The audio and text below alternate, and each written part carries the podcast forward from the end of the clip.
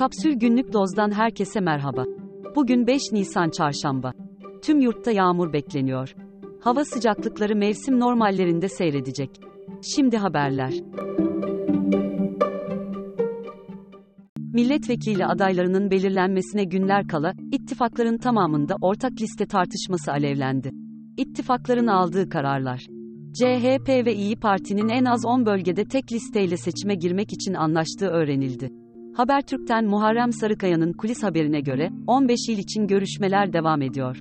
Ortak liste tartışmalarına yanıt veren tip lideri Baş, sadece milletvekili çıkarma potansiyeli gördükleri illerde seçime gireceklerini söyledi. Tip'in, Yeşil Sol Parti listelerinden sayı, sıra ve kontenjan talebi olmadığını vurgulayan Erkan Baş, seçime girmeyecekleri illeri de açıkladı. Cumhur İttifakı'ndaki tüm partiler, tüm bölgelerde seçime kendi listeleriyle gireceklerini duyurdu. Seçime katılmayacak olan Hüdapar ise AKP listelerinden aday gösterilecek.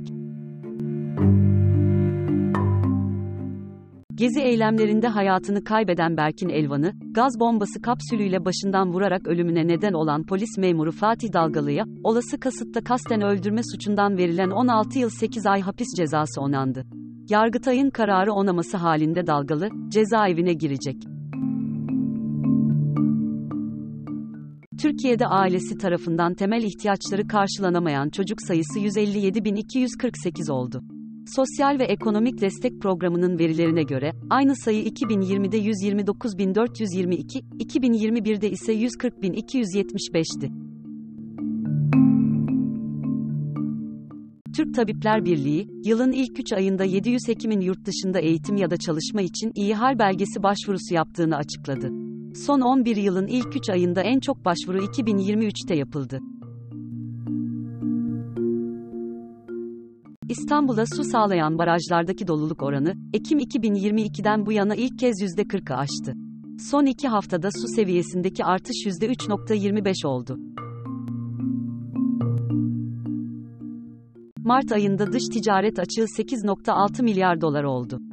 Yılın ilk çeyreğinde kaydedilen dış ticaret açığı ise 34.9 milyar dolar ile 2013'ten bu yana rekor açık verdi. Millet İttifakı Cumhurbaşkanı adayı Kılıçdaroğlu, seçimi kazanmaları halinde emeklilerin bayram ikramiyelerinin asgari ücret tutarına getirileceğini açıkladı.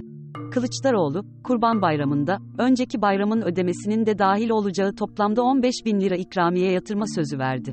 Şimdi dünyadan haberler.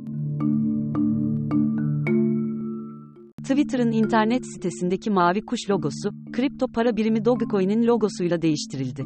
Twitter'ın sahibi Musk'ın bu hamlesinin ardından Dogecoin yaklaşık %30 değer kazandı.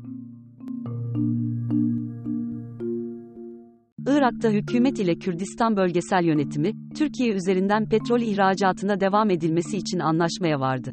Uluslararası Tahkim Mahkemesi, geçen hafta Irak'ın 2014 yılında açtığı davada, Türkiye'yi Kürdistan Bölgesel Yönetimi ile yaptığı petrol sevkiyatı anlaşmasından dolayı 1.4 milyar dolar tazminata mahkum etmiş, Irak'tan Ceyhan Limanı'na petrol akışı durdurulmuştu. Finlandiya, resmen NATO'nun 31. üyesi oldu. Son katılımla birlikte ittifak üyesi ülkelerin Rusya ile toplam sınırı iki katına çıktı. NATO Genel Sekreteri Stoltenberg, Rusya lideri Putin'i saldırganlıkla suçlayıp bunun NATO'yu büyüttüğünü söyledi.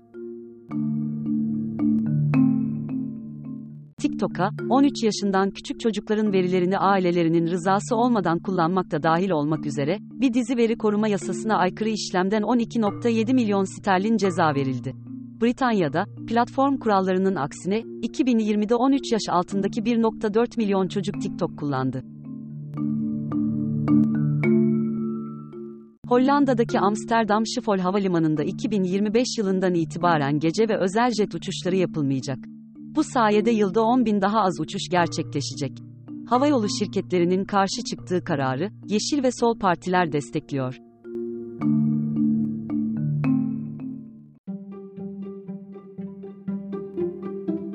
Daha fazlası için kapsul.com.tr adresini ziyaret edebilirsiniz.